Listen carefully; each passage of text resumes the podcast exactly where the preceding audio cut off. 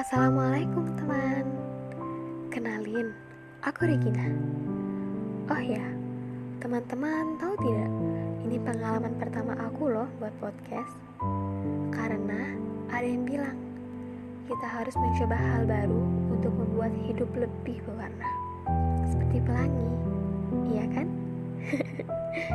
eh, kok aku malah curhat ini sih? Kan aku mau berbagi cerita dan kasih support ke kalian semua.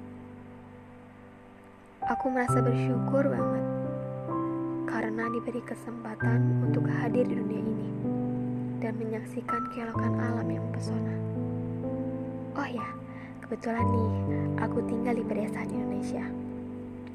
Setiap pagi menghirup udara yang segar, melihat hamparan padi yang menguning, dan kicauan burung yang seolah menyapaku. Mitis banget ya. Tapi kalian tahu nggak? Ini semua terasa damai banget. Dan aku nih ngerasa jadi orang bejo, beruntung karena bisa tinggal di tanah Indonesia. Aku yakin kita nggak akan bisa ngerasain ketenangan ini tanpa perjuangan dari para pahlawan. Semangat, kegigihan, dan tekad yang ada dalam jiwa yang telah menuntun mereka meraih kemerdekaan. Tanpa mereka, mungkin saja saat ini kita harus bangun di pagi buta untuk mengasah senjata dan bersiap-siap menghadapi keserakahan penjajah. Waduh, malas banget gak sih? Kita harus berterima kasih kepada mereka.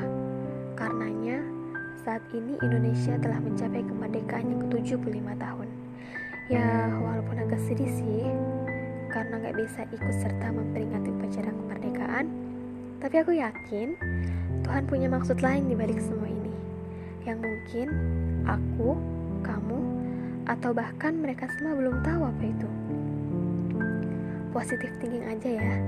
Tuhan tahu yang terbaik untuk negeri ini. Kita juga mesti bersyukur karena sang merah putih masih diberi kesempatan untuk berkibar di bumi pertiwi ini. Kemerdekaan harus tetap jadi milik kita, bangsa Indonesia. Jangan sampai deh pandemi yang merusuhkan negeri ini menyurutkan semangat kita. Aku rasa negeri ini butuh doa kita. Ya, doa. Dan aku percaya dengan kekuatan doa.